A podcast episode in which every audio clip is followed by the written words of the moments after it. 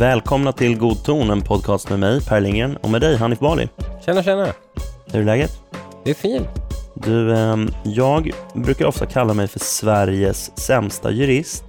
Ja, det stämmer nog. Ja, jag har ju länge levt i den tron, alltså, för jag ogillar, du vet när man får frågor som inleds med så här, du som är jurist. Ja, jag vet, men du, du, du lider mer av dåligt självförtroende än dålig... eh, Alltså du avfärdar dig själv innan du ens börjat reflektera. ja, Förstår kanske. du? Man bara, är det där lagligt? Du bara, "Ah, jag, jag kan ju in, ingenting om sånt. Och så börjar du resonera och så är det on point på vad liksom rättsläget är.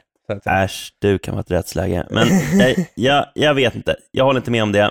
Jag tycker inte att det är så jävla bra. Men jag har Ja. börjat revidera den ståndpunkten. För grejen är så här, alltså, jag har hela tiden levt med liksom, regeln att så här, mitt bästa juridiska råd är att fråga någon annan. Mm. Men den senaste veckan så har jag liksom insett att jag har haft för höga tankar om juristskrået. Oh my god, äntligen kommer du över till min sida här. Men jag hade önskat att en så okunnig jävel som jag är Sveriges sämsta jurist, men jag undrar om det inte förhåller sig på det sättet att jag hör till de bästa juristerna trots allt. För det, för det är tydligt hur fullkomligt värdelösa Sveriges jurister är. Eh, så i de blindas rike kanske jag som enögd är kung trots allt.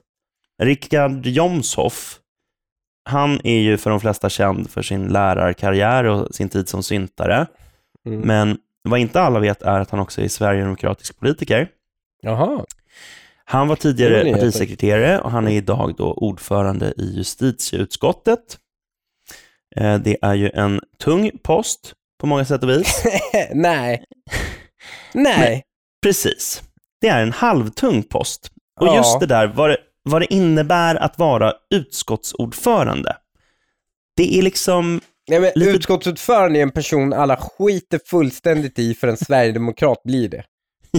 Då är det plötsligt, alltså då är du plötsligt, eh, det är liksom, då blir du, då, då är rangordningen i riket är ju kungen, utskottsordförande, talmannen, statsminister, där blir ja, det. ja.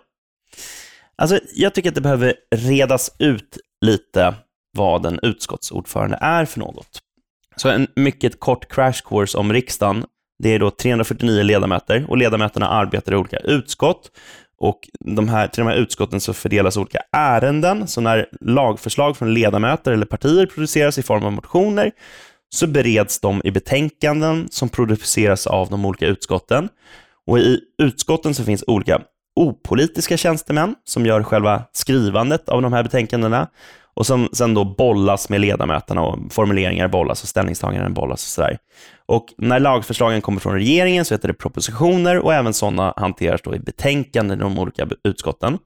Och utskottsarbetet leds då av en ordförande som normalt har bredvid sig en vice ordförande. Det kan vara flera, men ofta är det en. Och de här två sitter också i utskottets presidium, som är de har liksom som förmöten mellan de opolitiska tjänstemännen och ordföranden och vice ordföranden. Där man liksom plöjer igenom vad som ska hanteras på det kommande utskottssammanträdet.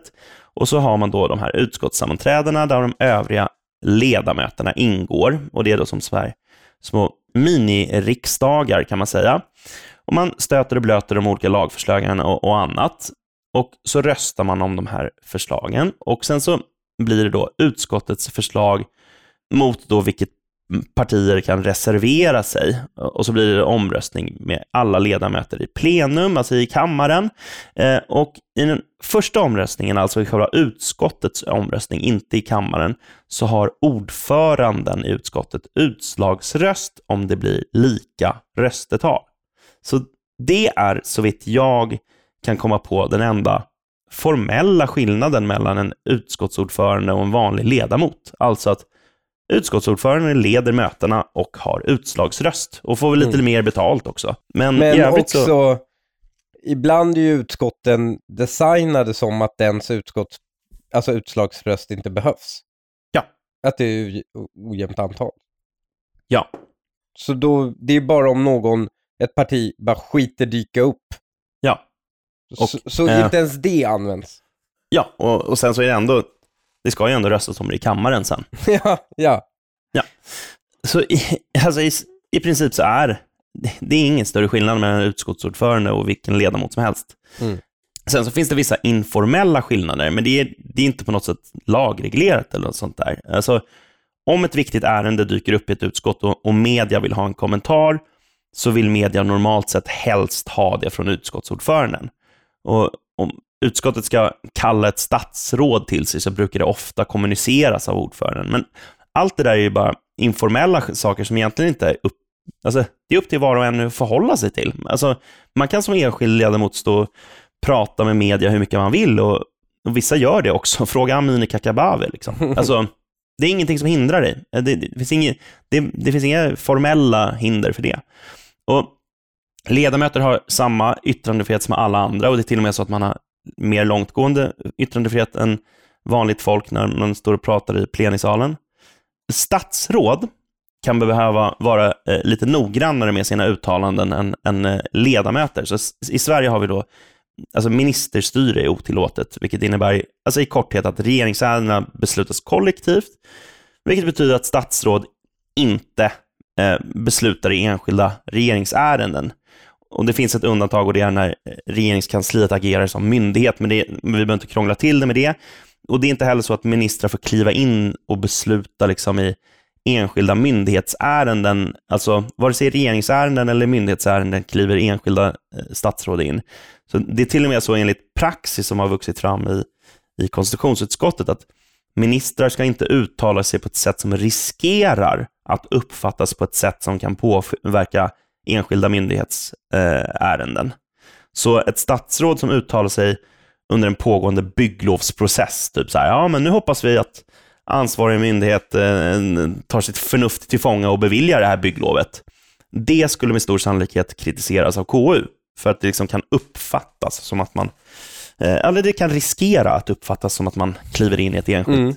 Eh, mm. myndighetsbeslut. Så. Men en, en riksdagsledamot som gör samma uttalande skulle inte kunna kritiseras i något juridiskt hänseende. Alltså man kan såklart ha olika uppfattningar om lämpligheten att, i att en riksdagsledamot uttalar sig om ett enskilt ärende, men det finns överhuvudtaget ingenting som förbjuder en riksdagsledamot att, ut, att uttala sig på det sättet. Och det gäller även för utskottsordföranden. Okej, så varför den här lilla samhällskunskap A-kursen? Jo, för att det är betydande delar av den svenska befolkningen som verkar behöva den och tyvärr är vissa av dem jurister. Richard Jomshoff, han skrev så här på Twitter.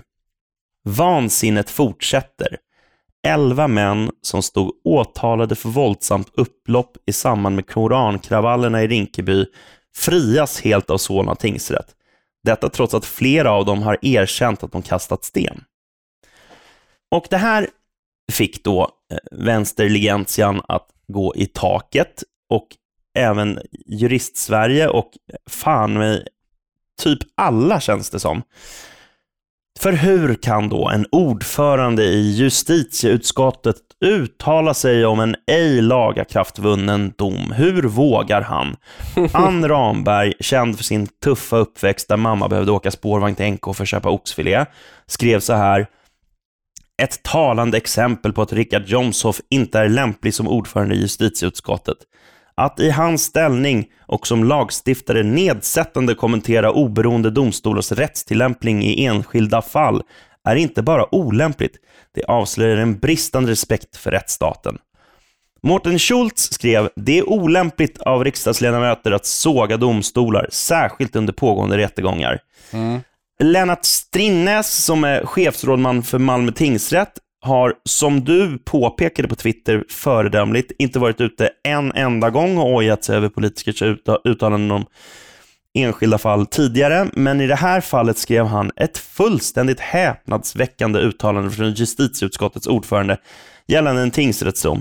Är detta en retorik vi ska vänja oss vid finns det eh, anledning till stor oro. Och Ardalan Shekarabi, han satte på sig sin finaste färdigknutna polyesterfluga och skrev vår grundlag, regeringsformen, 11 kapitlet, 3 paragrafen, kolon. Ingen myndighet, inte heller riksdagen, får bestämma hur en domstol ska döma i det enskilda fallet eller hur en domstol i övrigt ska tillämpa en rättsregel i ett särskilt fall. Senare var Shekarabi med i Sveriges Radio och kommenterade saken. Då lät det så här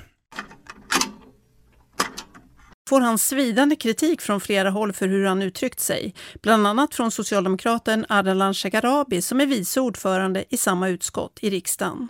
Ja, han är tydligt eh, uttalat kritik mot rättstillämpningen eh, hos en domstol och gjort det egentligen utan några gränser. Och det strider mot den bestämmelse vi har i vår grundlag. Våra domstolar är oberoende i sin rättstillämpning och riksdagen och riksdagsledamöter ska inte lägga sig i domstolars sätt att döma. Richard Jomshofs Twitterinlägg har alltså lett till kritik från olika håll. Mm. Vad var yran om grundlagen? Jag vet. En och vad hände då? Jo. Han, han är Sveriges sämsta jurist. Ja, jag vet.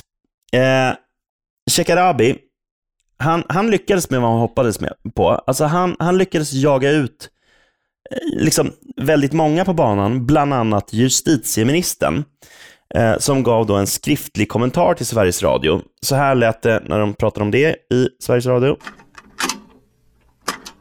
Justitieminister Gunnar Strömmer, Moderaterna, riktar nu kritik mot justitieutskottets ordförande, sverigedemokraten Richard Jomshof efter hans uttalande om domarna efter kravallerna i påskas. Igår rapporterade Ekot om att han på Twitter ifrågasatt att elva personer frias av Solna tingsrätt från anklagelserna att ha kastat sten på polisen.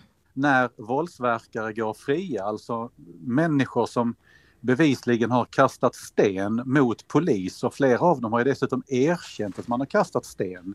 Och när de går fria så är det naturligtvis mitt jobb som, som lagstiftare, som riksdagsledamot, som, som politiker att försöka ändra på det. Och naturligtvis har jag rätt att framföra en uppfattning och en åsikt i frågan och det är också det jag har gjort. Vansinnet fortsätter. Så skrev Richard Jomshof på Twitter tidigare i veckan.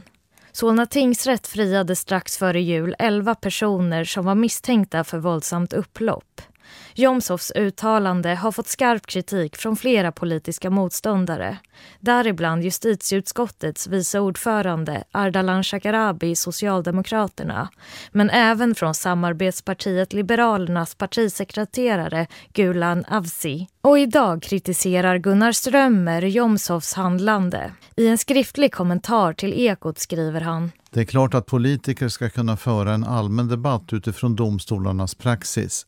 Men man bör som lagstiftare avstå från att gå in i enskilda fall, särskilt i pågående rättsprocesser. Joakim Nergelius är professor i juridik vid Örebro universitet. Han tycker att det är olämpligt att ordföranden i justitieutskottet kommenterar utgången i enskilda fall. Särskilt en dom från en tingsrätt som kan överklagas till hovrätten. Alltså hela det svenska statsskicket och de flesta demokratier bygger på en åtskillnad mellan lagstiftande, verkställande och dömande makt. Eh, Jonshof representerar den lagstiftande makten. Och då ska man vara försiktig med ingrepp och uttalanden och sånt som kan tänkas påverka den dömande makten. Och som sagt, det är ju särskilt viktigt när den här domen kan komma att överklagas. Ekot har sökt Sverigedemokraternas partiledare Jimmy Åkesson som avböjde att kommentera Richard Jomshofs uttalande. Hanna Schick, Ekot. Jag har så himla mycket att säga om det här, så det är ganska svårt att avgränsa ja. till någon slags rimlig nivå. Ja. Men för det första, Ardalan Shekarabi pratar i nattmössan. Alltså antingen så vet han inte vad han pratar om, eller så låtsas han att han inte vet det, och jag vet inte vad som är värst. Han säger, han har tydligt uttalat kritik mot rättstillämpningen hos en domstol och det strider mot den bestämmelse vi har i grundlagen. Nej. Eller i vår grundlag. Nej. Då undrar jag, vilken bestämmelse i vår grundlag strider detta emot? Ja. För den bestämmelse han hänvisar till i sin tweet, alltså regeringsformens 11 kapitel 3 paragrafen, strider det inte emot. Och det här är fan viktigt att få klart för sig.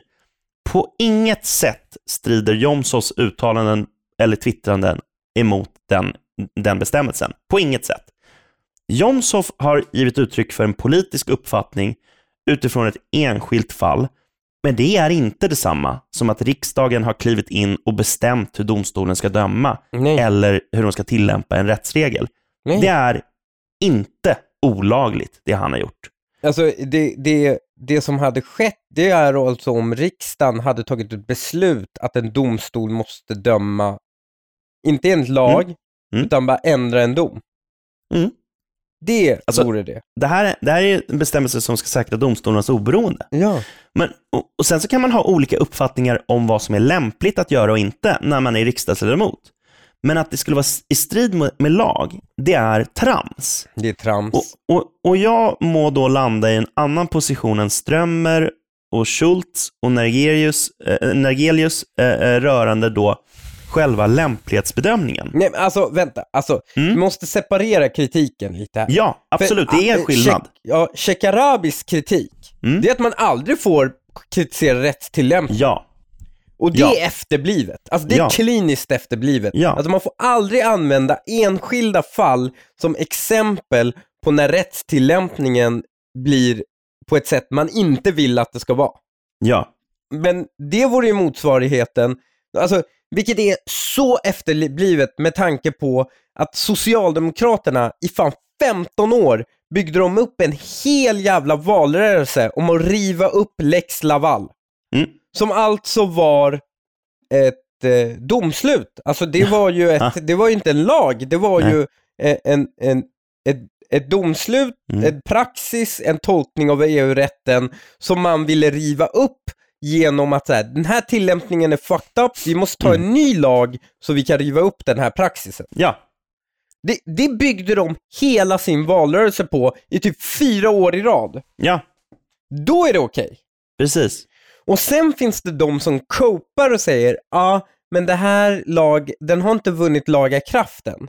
Mm. Nämligen, det här är inte, det här är inte överklagat till hovrätten. Mm. Alltså det, är- det är överklagat och det här är inte färdigt än.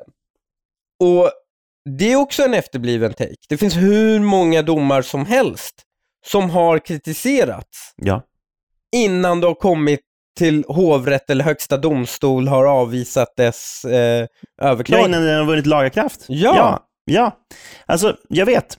Men, men, men, alltså, och det, det är ju frågan om, alltså det, det är lite olika diskussioner. Det är laglighet å ena sidan, som då som eh, Shekarabi ägnar, ägnar sig åt att diskutera, och så är det lämplighet, Ja, men som då Strömmer, Schultz och. Nergelius eh, diskuterar. Lagligheten kan vi bara, han, han är helt jävla borta. Det är Ja. fullt lagligt. Det finns Ja. inga problem med det som helst. Om det vore så att säga olagligt, Mm. då hade Annie Lööf haft stora, stora problem när hon kritiserade sin egen kollega i den här sharia-domen som kom Mm. i Solna, där Mm. hon friade en man för misshandel för, för att han kom från en bra familj. Visst? Det kommer, då, då var Annie Lööf ute och kritiserade sin eh, nämndemannen, alltså det var en namngiven nämndeman som hon kritiserade Mm. och Rimligt hade gjort av henne. dömt fel, tyckte hon. Mm. Rimligt gjort av henne. Och det var fullt rimligt ja. Mm. Men den här, han, bas, han pekar inte ut någon enskild. Och här vill jag också säga det olämpliga, om man vill kritisera det olämpliga i det, Mm. är alltså att Annie Lööf är partiledare då, Mm. för det partiet som nämndemannen tillhör. Mm. Mm. Så att säga, vill man ha en framtid i partiet, då måste ju den här nämndemannen då följa då Annie Lööfs vilja. Mm. Där finns det ju så att säga ett långt mer direkt beroende Mm. än att Jomshof kritiserar tre domare han har noll relation till. Jag vet. Men det jag vill säga här är att jag tycker Strömmer, Schultz och Nergelius, ja, det är liksom även, jag håller inte med om deras uppfattning. Jag gör en annan, annan bedömning om lämpligheten i, i Jomshofs agerande. Men jag tycker att det är fullt rimlig diskussion att föra och det är tvärtom en, det är fan en viktig diskussion att föra som tyvärr nu har liksom den, den kan inte föras för att som vanligt så hamnar vi i så jävla absurda diskussioner i det här landet. Alltid så. Men Alltså, men, men det är ju en diskussion med, där subjektiva uppfattningar om hur man bör uppträda som ledamot ställs mot varandra. Det är inte en diskussion om laglighet. Som sagt, Shekarabi pratar ju däremot om laglighet och det, det han gör, på tal om lämplighet, är djupt olämpligt. Vad han gör är att sprida lögner om att en politisk motståndare har brutit mot lagen när den politiska motståndaren i själva verket inte har gjort något annat än att delta i det politiska samtalet på ett helt tillåtet sätt inom ramen för sin grundlagsfästa yttrandefrihet. Så Shekarabi ljuger om att tillåtna yttranden är otillåtna. Det om något är olämpligt. Men inte en rad har skrivits om detta i media. Inte en stavelse. Och på tal om vad som är olämpligt Eh, och inte, så, så måste jag alltså då ändå kritisera Strömmers agerande här. Det som sker här är ett uttryck för vad jag skulle säga, det största problemet som Moderaterna lever med. Alltså Moderaterna ska alltid vara duktigast i klassen och bryr sig för mycket om vad andra tycker. Moderaterna skulle behöva en sån där självhjälpsbok av någon kortklippt kvinna i gympa-tights som berättar att det är viktigt att stå för vad man själv tror på och inte styras för mycket av omgivningen och sådär. Alltså, Jomshof gör ett tillåtet uttalande. Shekarabi ljuger om Jomshof och påstår att det är otillåtet, vilket förvandlar en fjäder till en höna. Vilket sen mediaetablissemanget stöper om till en hönsfarm med hjälp av citat från en professor och från justitieministern. Mm. Alltså att justitieministern går ut och recenserar oh, en enskild svårt. ledamots uttalande på det sättet som nu sker är oerhört ostrategiskt. Nu, nu har praxis satts inför mandatperioden. Vilka andra utlåtanden ska, ska då justitieministern kommentera från sverigedemokratiska ledamöter? Alltså, vilka ska han recensera? Vilka tillåtna liksom, ja, men enskilda så fort uttalanden? en jävla nämndeman någonstans har fuckat upp det, då ska justitieministern ut och kommentera det då? Eller? Nej, tvärtom. Justitieministern ska ju inte göra det om en nämndeman, men en, däremot en ledamot. Om en ledamot från Sverigedemokraterna säger någonting om vad, vad fan som helst inom ramen för sin eh, grundlagsfästa yttrandefrihet, då, då kan nu media vända sig till justitieministern och säga så här, vad har du för kommentar till det här? Mm. Och om han då inte svarar, då kan ju den rimliga följdfrågan vara så här, varför svarar du inte på den här frågan när du tidigare har kommenterat Jomshofs uttalanden? Mm. Alltså, vad han borde ha gjort är att svara, det är inte min uppgift att recensera uttalanden från enskilda ledamöter från andra partier. Mm. Alltså, hade han sagt det, så hade han stängt ner diskussionen. Nu bidrog han istället till att skapa en hönsfarm och satte dessutom en standard som kommer vara helt omöjlig att leva upp till framöver. Han kommer bli svaret skyldig. Varför kan du inte kommentera de här uttalandena när du har kommenterat Jomshofs tidigare? Och den cirkusen kommer liksom bara fortsätta. Och varför sker det här? Jo, för att man är rädd för media och för att man vill vara bäst i klassen i jurist-Sveriges ögon. Alltså på grund av medierädsla och för att visa Mårten Schultz att man minsann vet skillnaden på lagstiftande och dömande makt, så trampar han i klaveret och lyckas i en och samma gärning irritera alla sverigedemokrater i landet, ge Shekarabi vatten på sin lögnaktiga kvarn och sätta en standard för vad som är rimligt att kommentera och inte. Mm. Och som vanligt i, det här, liksom, i alla jävla poddavsnitt känns det som, så måste jag kräkas på media ett varv också. Hade vi haft balanserad media så hade någon, bara en jävel, lyft perspektivet om hur det kommer sig att domarna landar som de gör. För jag kan lova att det allmänna rättsmedvetandet befinner sig i några galaxer ifrån de här domsluten. Men med allt det sagt så tycker jag som sagt att det vore värdefullt när då dammet har lagt sig runt hela den här situationen att, att föra en initierad diskussion om vad som är lagligt och lämpligt i förhållande till då uttalanden om myndigheter från riksdagsledamöter. Alltså, och jag menar då att en livskraftig demokrati mår bäst av ett fritt politiskt samtal där folkvalda ledamöter av parlamentet inte bara tillåts uttala sig kritiskt mot myndighetsbeslut, utan rent av förväntas göra det. Alltså myndigheter i allmänhet och domstolar i synnerhet måste vara mer motståndskraftiga än att de viker sig och anpassar sina beslut efter hur parlamentariker argumenterar. Om de inte klarar av det så, så kan det vara läge för dem att läsa den jävla självhjälpsboken också. För det förväntas av dem att vara professionella i sin yrkesutövning även när kritik riktas mot dem. Och Den här gången var det ju ett uttalande om kriminella invandrare från en sverigedemokrat. Det var ju det mm. som var liksom kontexten. Därför kom motreaktionerna främst från vänsterhåll. Mm. Men jag har så jävla svårt att tro att de verkligen, alltså att de tycker som de gör om man applicerar den logiken på andra fall. Tänk dig då om den här blåbrun nazist, knarkar, barnmördar, regeringen stiftar lagar som innebär att domstolar kommer döma fäder till utvisning medan deras gråtande barn stannar i Sverige. Att vi får läsa i media om splittrade familjer och se bilder på gråtande barn. Ja. Tror någon på allvar att vänsterpartistiska ledamöter kommer att hålla tyst då och invänta lagakraftvunna domar från överinstans? Alltså, Inte en chans. Vet du vad? Det här med att man ska typ respektera rättsväsendet Mm. Mm. och laga kraftvunna domar, att, att respektera dem. Det är all fine and dandy tills utvisningen ska exekveras. Ja, Då står ju, då står ju de vänster och liksom sossar och vänsterpartister i armkrok utanför Arlanda och försöker stoppa utvisningen. visst. Det är liksom, det, det, det, det är så jävla hycklande dubbelmoral i det här. Mm. Jag kan inte fatta hur folk inte ser igenom det och Mm. att vi går in i fällan och börjar argumentera Mm. på Mm. något sätt att säga, ja är det här lämpligt? Eller Mm. ja, han kanske ska, inte ska göra det här. Jag skitmånga inom borgerligheten säger, ja men det var ju onödigt. Mm. Nej, det är fan nödvändigt. Mm. Det är jävligt nödvändigt. Alltså, vi har ju samma sak, Adriana.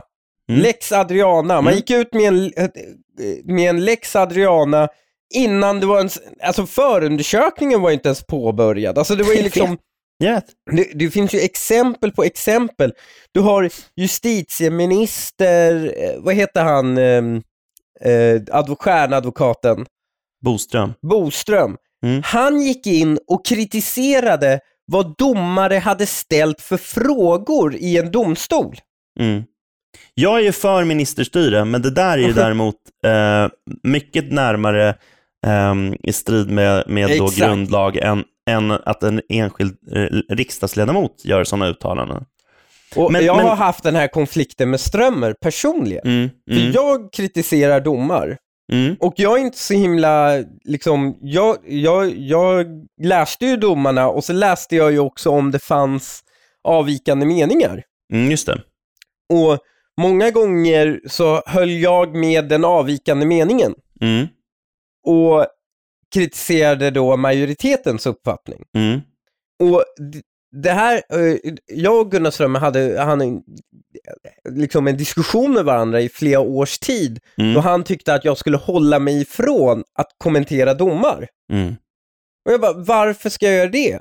Alltså, ta till exempel den här, eh, den, när det var första domen om synnerligen grovt vapenbrott. mm, mm. Där man hade hittat fem automatkarbiner och typ 500 skott i, i bakluckan på en taxibil som fem Adidas-grabbar satt i. Ja. Och de får inte synnerligen grovt vapenbrott för det saknades en pansarvagn eh, för att ska komma över det kriteriet. mm. Och, och i majoritet, alltså minoritetens uppfattning Mm, var ju att nej men det här är definitivt synnerligen grovt vapenbrott för att det är väldigt stora volymer, bla bla bla, det här är inte i någon form av normalgrad, det är inte grovt heller. Alltså för att räkna som grovt vapenbrott, då räcker det med ett vapen in Mm. public. Det här är Mm. liksom fem automatkarbiner in public. mm, Och medan minoritetens uppfattning var ju lite så här, ja, men vi saknar ett raketgevär och tre, fyra Apache-helikoptrar liksom mm, eh, för att det här ska vara synnerligen grovt. Och med en rösts marginal röstar HD på ett visst sätt. mm, Och, och då blir det så här, okej, om min uppfattning är som nästan halva högsta domstolen, ja är det rättsvidrigt eller någon form av bryter det mot någon princip för mig att säga, jag håller med minoriteten? Mm. Det är ju en idé, det är det som Nergelius är inne på, att så här, liksom den lagstiftande och den dömande makten och hålla isär det och sådär.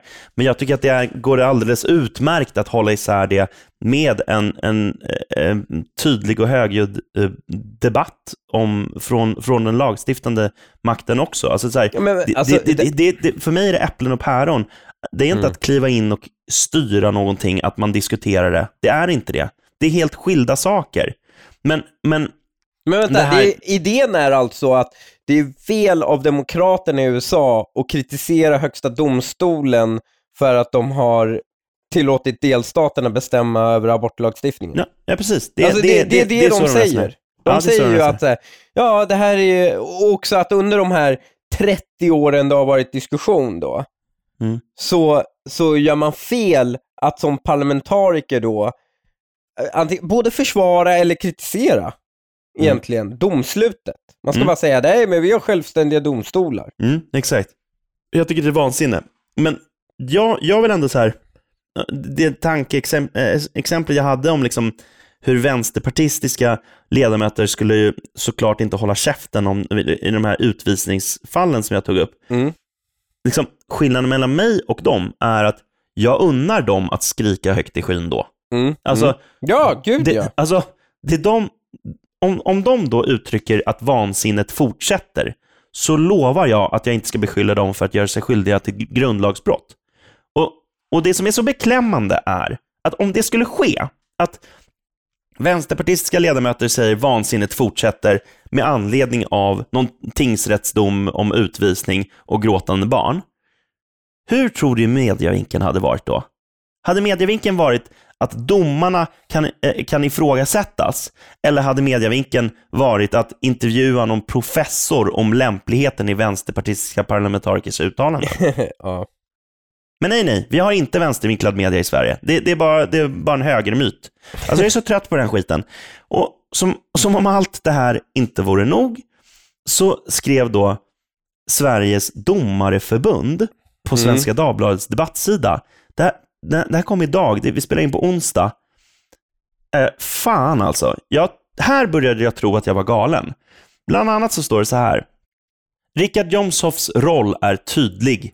Han sitter i den lagstiftande församlingen och har som sin uppgift att stifta lagar utifrån sin politiska övertygelse. Det är den makt han har getts av folket. Han ska däremot inte uttala sig om hur enskilda domare tillämpar lagar. Det är en enkel regel. Regeln finns inte av hövlighetsskäl eller för att domare är känsliga för kritik. Den finns för att alla som kommer till en domstol ska få en rättvis prövning av sin sak av en oberoende domare. Så de driver alltså linjen att domarna inte kan vara oberoende om kritik riktas från en parlamentariker. Det är en helt sanslös linje. Det är en helt vansinnig linje. Ja, för andra så skriver de att det finns en enkel regel och så berättar de om varför den enkla regeln finns. Var, var Ett finns litet den här problem. regeln? Ett, precis ett litet problem med det resonemanget. Det finns ingen regel. Den där regeln kom de regel? på precis för att en sverigedemokrat sa det. Ja, alltså, det, det finns ingen regel. Och, alltså, jag blir helt tokig på det när jag läser det. Alltså, och, och, och, här, om de då vill, vill ha det till att det är någon form av oskriven regel, så är det liksom inte... För det första så är det, jag skulle hävda att det är felaktigt Det är ändå även det. hysteriskt, hysteriskt Ja. kul om domare för fram att det är en oskriven regel. Vilket alltså typ halva kritiken mot domstolsutövandet i Sverige. Nämligen Ja. att det baserar lite för mycket på oskrivna regler som inte är under demokratisk kontroll från, från riksdagen. Ja, men, alltså, jag undrar, alltså, så här, om det nu är så att det finns en sån enkel regel, varför är det ingen som tillämpar den då? Varför vänder ner till en jävla debattsida för? Ja. Alltså vad fan, sätt, fan, lås in honom då. Vad är, eller bötfäll honom. Gör, gör vad fan. Vad är konsekvensen av att han nu har brutit mot denna enkla, enkla regel? Att ni skriver på SvD Debatt, pajaskonster. Han, han får uttala sig exakt som han har gjort. Mm. Och här någonstans, så, liksom, när jag läste det här, så var det som att jag höll på att bli galen. Vad fan är det som pågår? Den här galenskapen bara fortsätter. Den här skittexten delades sen av Niklas Ljunggren, som är hovrättsråd, tillika vice ordförande på avdelningen i hovrätten över, över Skåne och Blekinge, med orden “Mycket bra artikel om behovet av att stå upp för domstolars oberoende”. Hovrättsråd. Alltså, dessa människor bidrar till en utbredd missuppfattning om vad som är tillåtet och inte. Eftersom de tycker att det här är olämpligt så agerar de på ett sätt som ger att människor får en felaktig uppfattning om vad som är lagligt. Det finns ingen regel och det är extremt olämpligt att högt uppsatta jurister sitter och sprider den dyngan. Per, Ja, vet du vad du ska göra? Inte den här lördagen, inte nästa lördag, men lördagen efter det. är det möjligen uh, Hur mår Sverige? Hur mår Sverige i Göteborg? Helvete. Nu är det dags. Nu drar vi Shit. ut på turné. Nu drar vi... Shit, vad snart. Nu drar det igång. Ja, verkligen. det kommer bli skitkul. Vi, vi borde, borde fråga folk vad man, ska, vad man kan göra i Göteborg efter, för det, det är ju en söndag. Just det. Det betyder att du inte kan åka hem heller, för vi lever i ett u-land. Så efter showen så är vi kvar i Göteborg. Ja, jävlar, så är det. Ja, det ska bli kul. Men, Verkligen. men de som vill komma och titta på oss i Göteborg, Mm. där vill jag bara säga, Tough luck. ja, nej, inte helt. Inte? Nej. Det är nämligen så att jag såg på Facebookgruppen, Mm. i vår Facebookgrupp, så var det en kille som hade köpt biljetter. Mm. Men han var tvungen att åka på en resa just det datumet. Så de är till salu i Facebookgruppen. Till, till Ah. självkostnadspris. Snyggt. Så det är sista chansen kanske. Då bli Patreon, gå med där. Eller ni är förmodligen Patreons. Gå in i Facebookgruppen och där kan ni hitta folk som säljer sina biljetter. Ja. Det är enda chansen. Men för de som inte eh, vill göra det, hur, vad ska de göra då Per? Jag vet inte. Ja, men de går in på hurmarsverige.com. Ja, men det kan de inte göra, för, de, biljetter. för, för det är fullt i Göteborg. Ja, i Göteborg är det fullt, men de som vill komma och titta på oss i Stockholm Ja. så finns det några platser kvar, både 30 och 31. Mm. Och sen har vi ju även i Lund. Just det. Och det är den eh, 13 februari. Fan vad spännande. Ja, så kom förbi. Eh, vi har till och med studentrabatt för studenterna. Kom förbi, boka era biljetter, det blir skitkul. Och så måste vi, Verkligen. vi måste ju fråga, Stockholm vet vi ju vad man kan göra i Stockholm. Mm. Men vad gör man i Lund också? måste vi fråga folk. Ja. Man, man drar till Hercules, tror jag. Vad är Hercules för någonting? Det är någon bar som ligger i eh, centrala Lund vid domkyrkan. Okej. eh, som ska vara mysig. Men jag vet inte om den finns kvar. Men eh, vi får fråga folk vad, vad man gör. Jag, alltså jag kan min, jag, jag kan inte min Göteborg. Nej, Tyvärr. det, nej, alltså jag var bara, jag, jag har inte varit där på 700 år. Alltså, i alla fall inte på det sättet. Jag Nej. har varit liksom småbarnsrest till Göteborg. Jaha, okej. Men eh, det är bara att gå in på hurmarsverige.com och fixa era biljetter där. Det var inte allt för den här veckan. Vill du lyssna på hela avsnittet så går du in på patreon.com godton och bli Patreon. För så lite som 10 kronor per avsnitt får du tillgång till hela avsnitt varje vecka istället för halva avsnitt. Du får även tillgång till vår hemliga Facebookgrupp som är med och styr vilka ämnen vi tar upp. Så gå in nu på patreon.com godton och bli Patreon idag. Annars var det allt för den här veckan. Hej då!